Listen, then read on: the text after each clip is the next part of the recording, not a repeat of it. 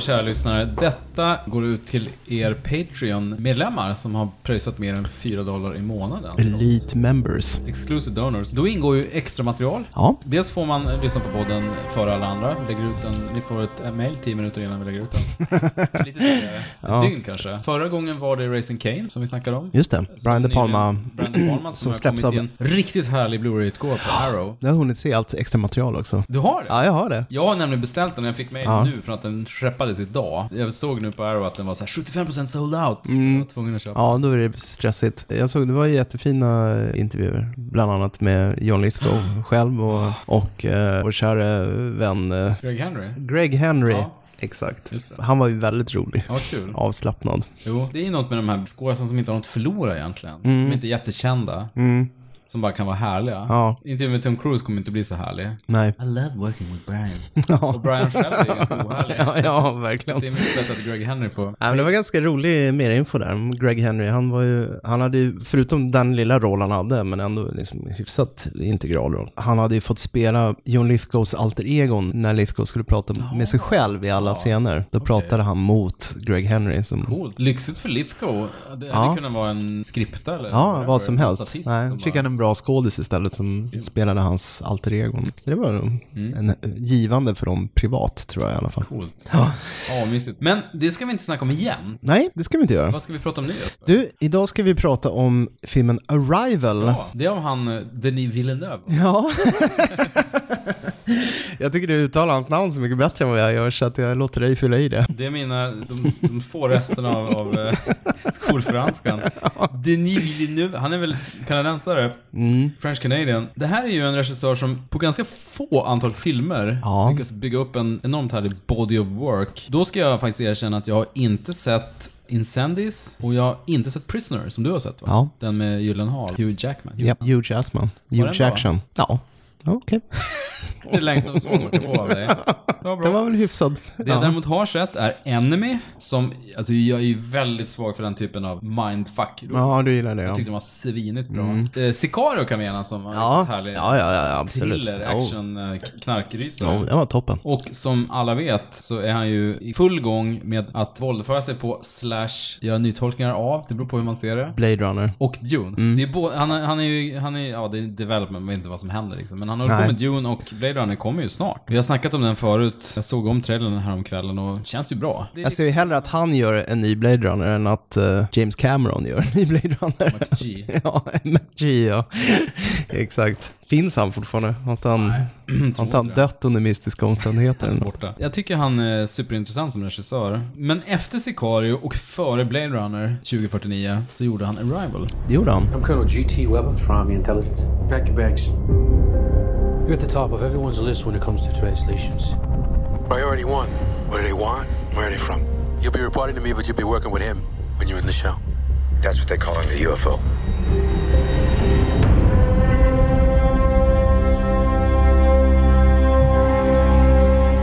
Who's being carted off in the medevac? Not everyone is wired for what you're about to do. So what do they look like? You'll see soon enough. More objects have landed around the world. This is one of 12. I'm never gonna be able to speak their words. Got two days. Figure something out. I am human. It's their language. We need to make sure that they understand the difference between a weapon and a tool. Language is messy, and sometimes one can be both. Are you dreaming in their language? 12 utomjordiska rymdskepp anländer till olika platser över hela världen. Språkforskaren Louise Banks, spelad av Amy Adams, får i uppdrag att komma på ett sätt att kunna kommunicera med rymdskeppets besättning och ta reda på varför de kom och om deras besök är antingen fredligt eller fientligt. Hon och hennes team arbetar dock under ett stort, ett stort tidspress eftersom utomjordingarnas besök har orsakat globala krissituationer. Lite- Ja. ja. Nej men hon är ju lingvist, akademiker Ja, just det. och blir då inkallad. Enligt devisen “When the shit hits the fan”, då samlar vi en massa knasiga typer. Nej, det är inte Ja. riktigt som en svensk grej. Där det bara- Eller Armageddon. Du kan data va? Ja, Armageddon är ett bättre exempel. Så här. Ja, ni är kriminella men Ja. det är bara ni som det är bara ni som klarar det. klarar det här. Men då var det ju Michael Bay och det här är ju Denis Villeneuve. Det är lite mer realistiskt kanske. Ja. Ja, jag vet inte om det är det. Det är Sen- annorlunda i alla fall. det är annorlunda. Sen ska vi då säga att det som etableras redan efter en minut är ju att Amy Adams har förlorat ett barn. Och har en enorm sorg som, Mm. Just det. som plågar henne, som är en stor del av henne. Ja. Vilket gjorde ju att jag grät ju Ja. inom två minuter. Som förälder. Som förälder så är man ju väldigt Extra svag. för svag, det. Extra svag för det. Sen grät jag för att, nej det gjorde jag inte, men Amy Adams, jag tycker hon är svinbra. Hon är nästan alltid jävligt bra. Hon är ju väldigt bra. Mm. Och För mig var hon behållningen med den här filmen. Nu var det ju science fiction också, så jag måste ju principiellt tycka om den. Mm. I största allmänhet. Men eh, Amy Adams var väl, så att säga, ja, det var hennes show helt enkelt. Men kommer det här bli en spoilerfri diskussion? Eller? Nej. Nej, vi kommer spoila då. Vi kommer spoila. Jag kan säga att känsliga lyssnare får välja att se filmen först och sen lyssna på det Ja, här i jag så tycker fall. ni ska se den först och sen Ja. kommer ni lyssna på den. Ja. Så kan vi säga. Från och med nu så kommer vi prata om saker som kan vara känsliga. Ja, precis. För det finns ju en twist i den här filmen. som Det jag gör kanske det. inte vill veta. Men det jag tänkte säga som inte är så spoilerkänsligt, det är ju att det klassiska upplägget när det gäller sci-fi och skräck, det är ju så här, allt är skitbra tills man får se rymdvarelsen, eller tills man får se monstret. Mm. Och så känns det pannkaka. Och jag tror de här, eh, det var, de var ju som svävande bläckfiskar. de här figurerna. Hektapods, Hektapods. sjubenta. Jag tror det blev Varelser. kanske någon slags vattendelare för många. Alltså, Ja, jag har förstått det. Jag, ty- Jag- jag tyckte det funkade. Ja, jag hade inga problem med utomjordingar. Det tycker jag. De var top notch. Mycket för att de var i- inne i rök. Ja, exakt. De var alltid lite vagt framställda. Mm. Det var skönt att slippa se de här sedvanliga Precis. egghead-utomjordingarna. Ja, det tycker har jag jag. sett någon gång. Eller att de ser ut som insekter, vilket de alltid annars gör. Ja, Och sen såklart, hade funkat lika bra för mig om man inte såg dem alls. jo. Givetvis. Egentligen. Fine. Det här var ju en film som, som i marknadsföringen inte hade blottat hur de såg ut. Jag har i och för sig bara sett trailern en gång kanske. Numera undviker jag nästan trailer för att Ja. slippa. Ja. Det är bara spoilers då. Och det var ju säkert 40 minuter in innan man får se dem. Men det var ju smart, för att eh, då upplever man ju deras nervositet och bävan Mm. inför det första mötet tillsammans med rollfigurerna. Amy Adams får ju sällskap av Jeremy Renner då som spelar ja. naturvetenskapsforskare. Ja, han är väl astrofysiker eller något Ja, det sånt är där han. va? Mm. Han är inte naturvetenskap. Nej, han är som det astrofysiker. heter. Men det blir den här lite töntiga krocken mellan... Vetenskap och eh, lingvistik. och, Precis. Ja, men du är humaniora, det är töntigt. mm, precis. Jag vet, jag Ja. Känns lite... ja, Li- lite krystat. Ja. I det där läget, man är, de är de enda två forskarna i världen, i alla fall i USA då, det är ju världen liksom som var med. Alltså, Mm. ja, det är ju just ändå så USAs, jävla tufft. USA-forskarna man får följa. Ja, för ovanlighetens skull. Ja, Men det ska ju sägas Så att brukar på, det aldrig på vara. de andra elva platserna så pågår ju samma forskning. samma då. sak ja. Mm. Och ingen vet riktigt hur de ska ta sig an de här, för frågan är ju då precis som Wikipedia antyder, är det här, är de vänner eller fiender? Det jag gillar också var att filmen utspelar sig under typ flera månader. Ja. Och inget snabbt svar. Det är ju en lång Nej. process. Ja, det är lite som V. Ja, men precis. Också under lång tid. Gud, vilken dålig referens. Ja, men... Men Eh, ändå. De, var, egentligen de är där för att stanna, så att säga. Eller Alien Nation och det är så här, är de Ja, vänner? Mm. ja Alien Nation är ännu bättre. Sam Francisco. Men på tinken. Ja. Ja, jag vet inte varför jag gillar den här så himla mycket. Jag kan tala om varför jag gillar den. Ja, Mm. gör det. Överlag så är det ju väldigt hög kvalitet på den. Jag skrev ner några grejer. Mm. Jag tycker fotot av Bradford Young, jag skrev ner, jag skrev ner några stolpar här i minnet. Förklara den för mig. Nej, men du, Mansplaina nu. du är tyst nu medan jag förklarar för dig varför det här är bra. Mm. Nej, men fotot av Bradford Young tycker jag är, är fantastiskt bra. Jag tycker han är en väldigt duktig fotograf. Han är en sån här som gärna använder sig av befintligt ljus. Mm, ja men det är ju jäkligt snyggt. Ehm, och sen är ju musiken och den här islänningen, eh, ja vad heter karln nu igen? Johan Johansson. Jo, Johan Johansson. Väldigt effektiv, framförallt just i de här eh, mötesscenerna i rymdskeppet. Det tycker jag de... Ja, den gör jävligt... Där som Mm. du funkar var inne musiken på. väldigt väl. Och sen är det just Amy Adams såklart. Efter att ha sett ett antal sci-fi-filmer så är det ju ganska välbekant upplägg det här att en så kallad privatperson eller en civilian tas in och hamnar i ett militärt sammanhang för att hjälpa dem då. Så hon är ju liksom våra ögon då. Vi upplever det genom hennes Ja. ögon. Med det sagt så är Forrest Whitaker- Whitaker då, som då är någon slags major, han är också ganska clueless egentligen. Ja. De Han har är- ingen, han har ingen aning. Nej, men de är ju, vet ju inte vad de ska göra. Han går ju bara på sitt militärprotokoll och, och försöker hålla ordning och reda på skeppet, så att säga. Trots Forrest Whitaker som jag tycker är en fantastisk och karisma, alltid bra. Mm. karismatisk skådis. Och Jeremy Renner som är bra, alltså han, han är ju bra. Men deras rollfigurer är jävligt tunna jämfört med Amy Adams. Jo, det är Hon- sant. det, är, det är ju hennes film, det handlar ju Visst är det. Mm. om henne.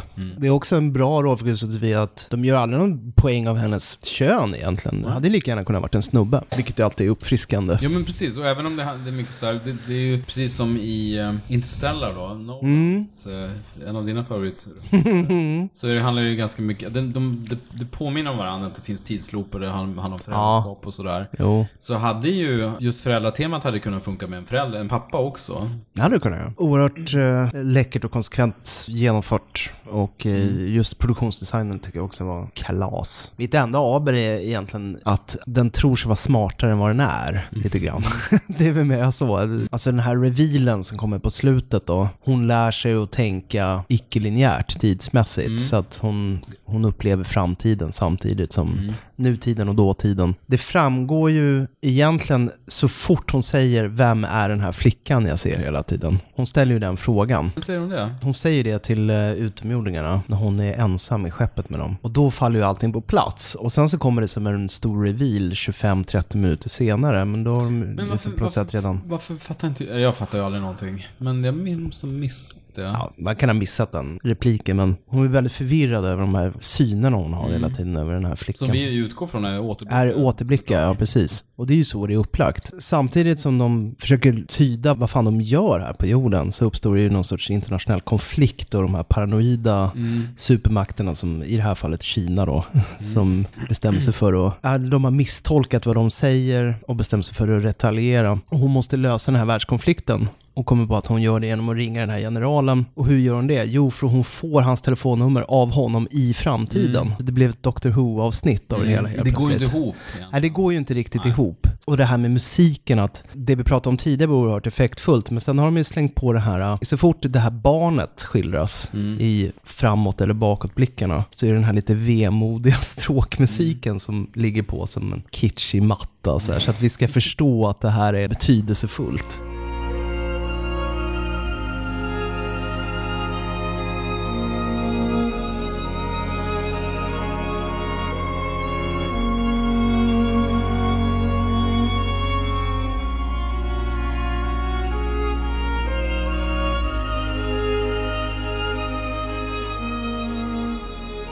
Man kan inte göra anspråk på att vara en filosofisk intelligent film och samtidigt förolämpa publiken med att bombardera oss med sån här känslomanipulerande musik. Det, det klingar falskt för mig på något Mm, sätt. jag fattar. Och det är egentligen mitt enda stora aber. Den dummar ner sig själv. Han hade inte behövt göra det. Man får väl, eh, anta att det är Hollywoods onda inverkan på Villeneuves konstnärskap att, Precis, eh, att en sån såklart. grej går igenom. Eller, eller så tycker han det är fan själv. Men för mig funkar inte det. Nej, jag alltså att det fattar. blev lite så här, tack för att ni talar om för mig hur jag ska känna här.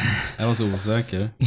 Nej, men jag, jag som, är, som alla lyssnare på den här podden vet är ju mycket mer lättköpt. Mm. Kritisk tyckte jag att det var, ändå var ganska fint. Däremot håller jag givetvis med om att så fort den här twisten dyker upp, att det är framtid och dåtid spelar in, då, då blir det ju eh, manustekniskt bygge Ja. som man kan tycka är väldigt skickligt. Och jag är ju väldigt svag för den här typen av, i brist på bättre ord, mindfuck-rullar. Mm. Så Typ A Tale of Two Sisters eller eh, Triangle som jag tycker är jättebra. Mm. Ja, den är härlig. Cool. Men det är ju, då är det mer som att man, man beundrar hantverket på något sätt. Och Mm. Man kanske tar sig ur illusionen och man tänker gud vad, vad snyggt det var. Men för mig räcker det så långt så jag tycker ändå att det var en bra film liksom. Mm. Även om jag inser att det hänger ju inte ihop. Det blir ju som en Terminator och Tillbaka till framtiden. Att det, det håller inte. Ja, nej, det är ju absolut inte så att jag sågar filmen. Jag tycker det var en, ja, det är en intressant film. Men jag är ju inte eld och lågor över den, men kanske jag så fattar. Mm. många andra är. Eh, Nej, jag var men har- nog mer eld. Ja, ja nej, men just det här med, med musiken, jag känner så här, det blir lite så här, åh vad djupa vi är. Och samtidigt så hamrar de in igen hur man ska tycka och tänka. Mm. Och det, det hör också ihop med, ja, det, var, det glömde jag säga, det var det här att så fort det är de här återblickarna, då hänfaller han åt den här Instagram-estetiken vi snackade om eh, för några poddar sedan. Det här när man fokuserar kameran på när, detaljbilder, Mm. någons fingrar som stryks genom håret eller någon fladdrande gardin och det här, alltså det, det är ett bildspråk som ska gestalta närvaron i nuet. Och det är liksom ett grepp som Terrence Malick har gjort känt. Och jag tycker knappt att Malik kommer undan med det. Och framförallt inte efterapare. Det känns lite ovärdigt att komma Jag dragandes håller med det egentligen greppet. med. Men kan det vara så att det kan vara en liten ledtråd till, till att det här är inte återblickar, det är en slags framåtblickar? Ja, att, eh, så kan det också vara. Å andra sidan, nej, men jag håller med, de, de, det blir lite reklamfilmsestetik i de här återblickarna. Det är också så här, jag kände ju aldrig att det här var, det var ett typiskt filmbarn.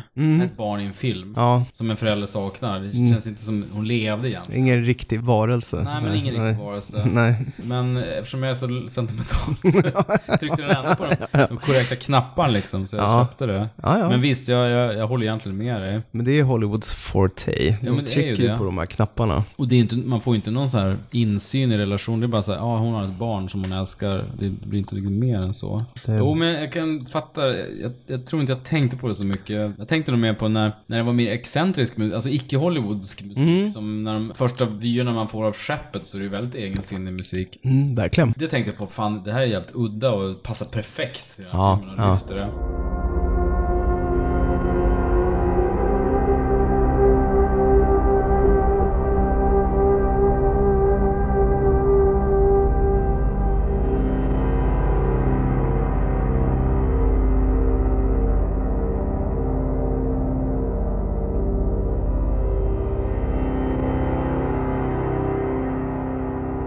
Sen kanske jag hade mer överseende med de här mer sentimentala, Mm. traditionella typen av Och det är ju en annan kompositör tror jag. Det där stycket har använts i många filmer. Han ska ju också göra musiken till eh, Blade Runner 2049. Ja. Och Det tror jag blir bra. Darren Det tror jag Aronofskys blir nyaste. Ja, visst. Utifrån Arrival så känns det som att ja, men jag kan tänka mig att han kan axla Vangelis mantel. Ja, men han är egentligen rätt. Men i trailern, vi- visst är det Vangelis där? Eller är det bara väldigt likt? Jag är osäker nu för jag har bara sett trailern en gång. Jag såg den, jag har sett den två gånger. Ja. Den, gick, den gick när jag var, såg... eh, Ja, den gick på biograferna. Ja, Ja. den går på bio nu. Ja, Okej, då är det snart dags då. Uh. Nej, men som sagt, jag tycker det var en, en bra och intressant film. Samtidigt som den svarta delen av man kan känna att så här, men det här är ju Tarkovsky for dummies. Lite, lite så liksom. Men det är ju det. Det ska vi inte hymla med. Men är det Dune eh, efter eh, Mm. Blade Runner? Är det bekräftat? Finns det pre-production notes på IMDB? precis. För det, är, det är ju verkligen ett, det är ett speciellt projekt faktiskt. Med det sagt tror jag nog att han skulle kunna göra en hyfsad Dune. I den mån det går att göra en bra film av Dune. Hoppas de återanvänder mycket från Jodorowsky-filmen Mm. Jo, det- då. I alla fall Gigers eh, produktionsdesignskisser. Det hade varit gött. Ja, så vi får se vad det blir. Det är inte säkert att det blir av. Nej, det är ett väldigt så här oländigt projekt att ta sig an på något sätt. Ja, nej men eh, spännande i alla fall med Villeneuve. Eh, och han verkar ju ha en, eh, en förkärlek just till science fiction. Det är man ju alltid glad för när en tydligt begåvad regissör tar sig an en viss genre. men det är Sådär. jättekul. Nu har ju science fiction fått lite av ett uppsving här på senare år. Vilket är Jo, men skoj. en av de bästa regissörerna som nu är verksamma, alltså Christopher Nolan, han har gjort flera science fiction-filmer. Som kanske har märkt. Interstellar och sådär. Han har gjort en science fiction-film. Ja, The Prestige. Nej. Sci-fi. Nej. Nej, Okej, Christopher. The Prestige är ju bra. Ja, jävligt bra. Det är en riktigt bra film. Det, är, det är hans film jag gillar. Men enligt dig är det undantaget som bekräftar. Ja, lite så. Nej, men nu blir det ju Dunkirk. Nu blir det ju krig istället då. Ja, det är ju tacksamt. Mm. Men vad gött. Eh, Tacksamt. Han var hårig. Oscar bait. Ja, det är tacksamt. Unga män som dör. Ja, det blir Oscars.